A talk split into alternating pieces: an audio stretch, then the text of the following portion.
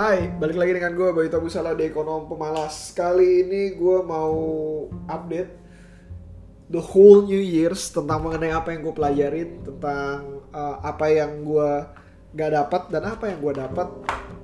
Uh, Dan gue mau share ini juga uh, share, share ke kalian semua sih.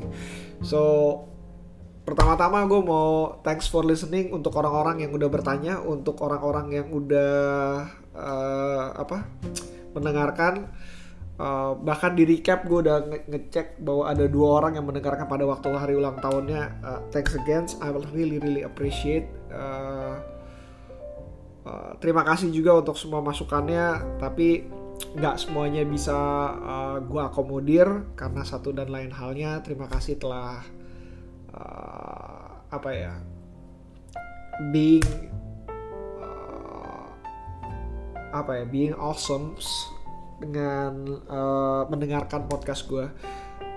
Oke, uh, lanjut mengenai recap ini apa uh, recap satu tahun terakhir dan gue mau mulai dari uh, apa apa yang terjadi apa apa yang lepas dari uh, pandangan gue dan akhirnya uh, terbang. Jadi ada beberapa hal uh, untuk beberapa orang yang pernah mendengarkan dan sering mendengarkan podcast gue. Uh, Metrodata, Prodia itu adalah dua hal yang gue lepas uh, karena technical issues. Uh, lebih ke arah uh, apa ya? Uh, gue menggunakan satu teknik trailing stop loss dan itu mengakibatkan gue untuk keluar dari keduanya dan uh, sebenarnya Prodia itu gue masih bisa masuk lagi di harga yang lebih rendah akan tetapi sayangnya gue ngeliat harganya ketika lagi lebih rendah.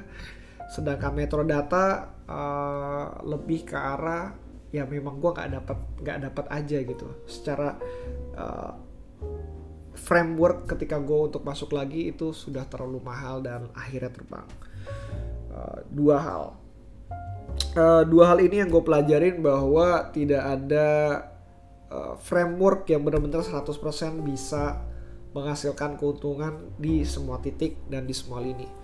Jadi ya lu mesti benar-benar tahu kelemahan dari framework lu sendiri dan lu nyaman dengan uh, framework itu sendiri. Uh, in the end gue masih tetap melakukan yang namanya modifikasi terhadap framework tersebut.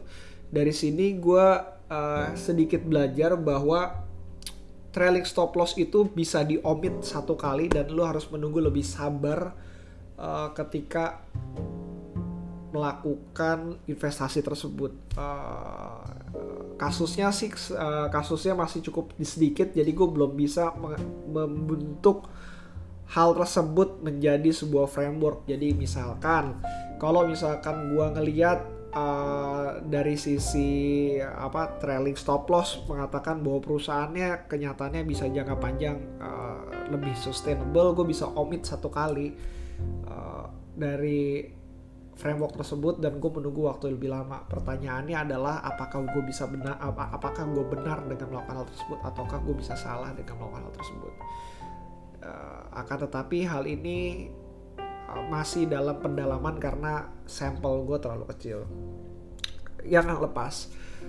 Uh, beberapa hal yang opportunity loss dan di mana gue nggak uh, mengambil di dalamnya. Jadi uh, di antara beberapa healthcare gue malah pilih healthcare yang tidak performs bahkan uh, dalam jangka pendek. Tapi gue ngelihat dalam jangka panjang performance-nya bakalan jauh lebih baik dibanding yang gue lihat uh, saat ini ya uh, uh, uh, emiten tersebut melakukan buyback. Gue suka banget dengan emiten melakukan buyback. Uh, kalau mereka uh, kalau emiten ini tidak melakukan buyback mereka melakukan acquisitions. Jadi mereka melihat bahwa uh, mana nih yang rate of returnnya lebih tinggi. Kalau misalkan buyback lebih tinggi dia akan melakukan buyback. Kalau misalkan rate of returnnya lebih tinggi untuk melakukan akuisisi mereka akan melakukan akuisisi dan itu adalah uh, cara pengembalian investasi yang bagus sekali dari sisi uh, manajemen dan gue suka dengan apa yang mereka lakukan.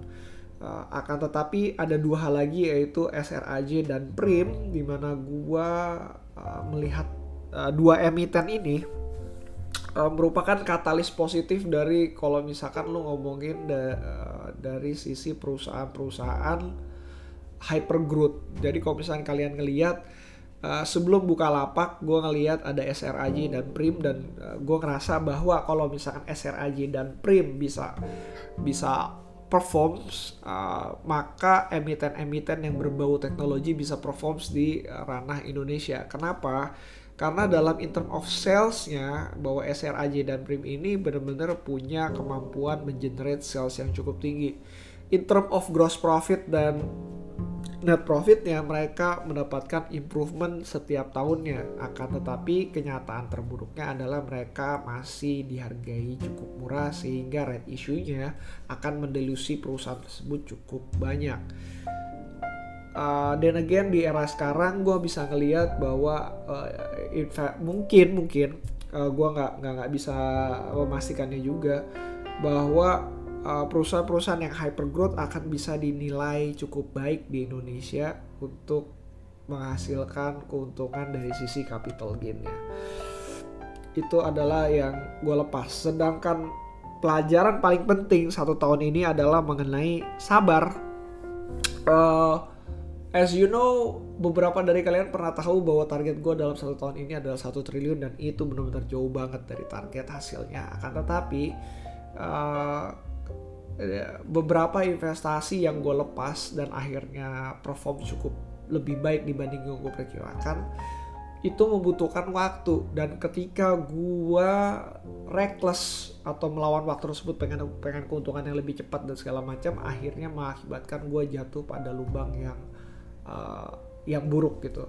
Even dalam uh, collections ya dalam dalam collections ketika gue uh, masuk ke emiten healthcare ataupun ke emiten yang uh, ekspor, gue mengambil pada harga yang cukup mahal.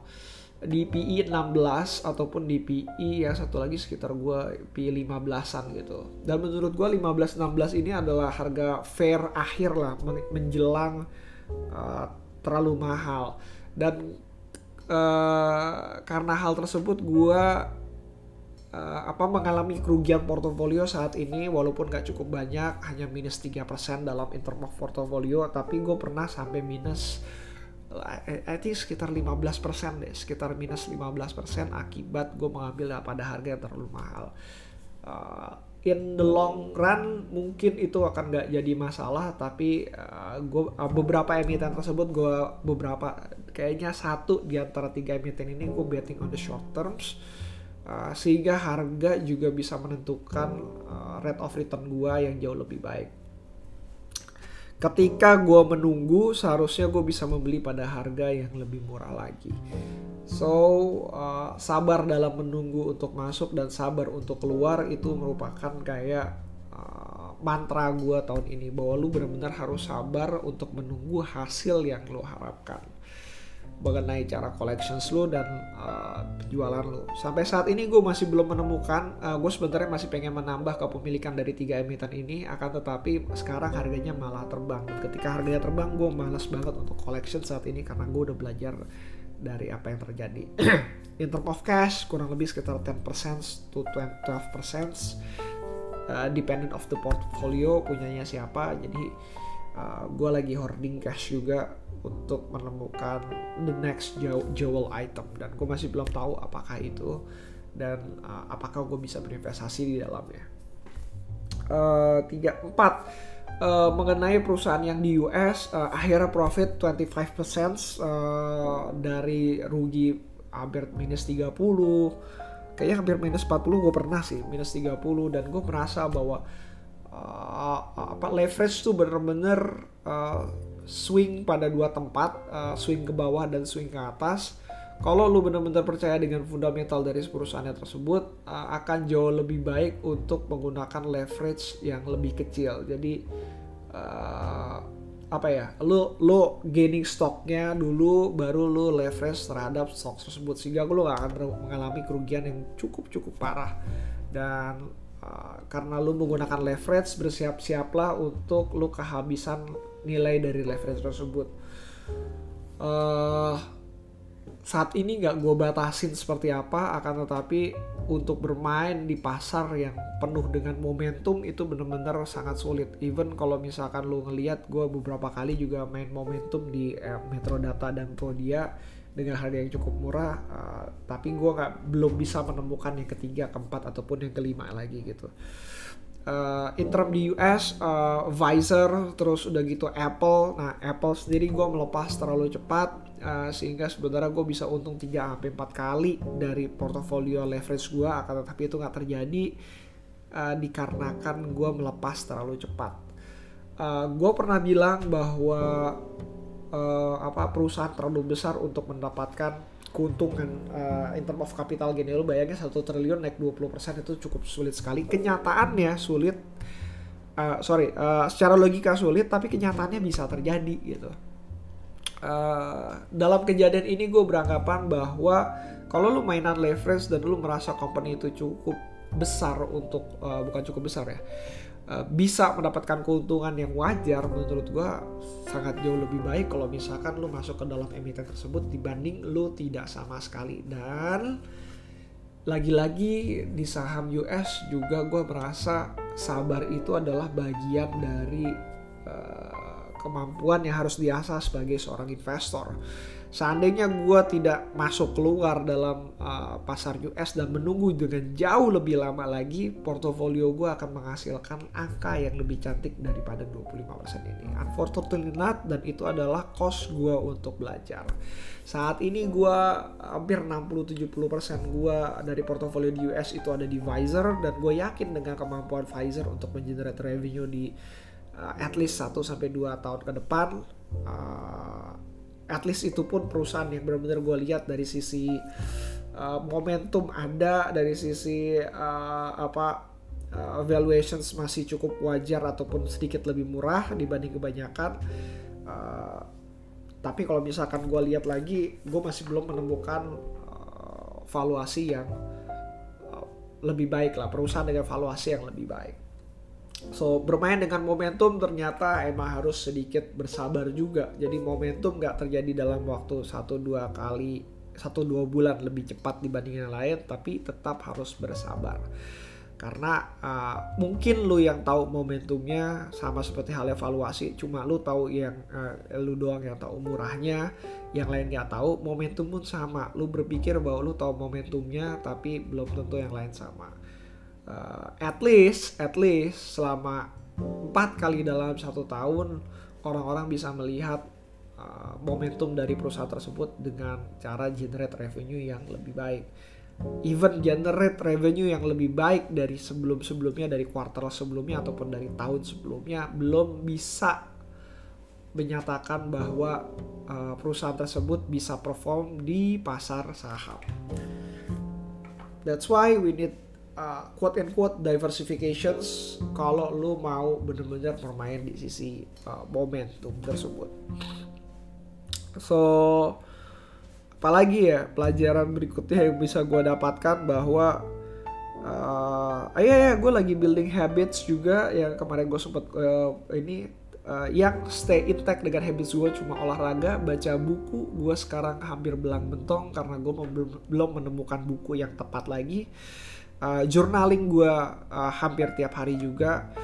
Podcast gue sedikit terbelangkalai dalam satu bulan terakhir. Uh, in the end habit lu bisa berantakan dengan satu dua hal. Hobi bukan hobi sih uh, yang benar-benar lu senengin. Dalam hal ini gue seneng banget ngegame dan gue mendownload satu game yang akhirnya merusak sebuah habit gue uh, apakah akan gue delete? Gue masih belum tahu juga karena ya gue lagi having fun aja lah mungkin sampai akhir tahun ini mudah-mudahan gue bisa catch up dengan habit yang baru lagi maksudnya dengan habit lama dengan yang lebih baik lagi uh, hopefully yes. Uh, but until next time dulu uh, until next years uh, see you again on the 2022 thanks for listening. Uh, balik lagi kalau ada pertanyaan di bayutabusala@gmail.com atau lu bisa Uh, DM di Instagram gua at Bayu Tabusala. See you again next time. Bye. thank you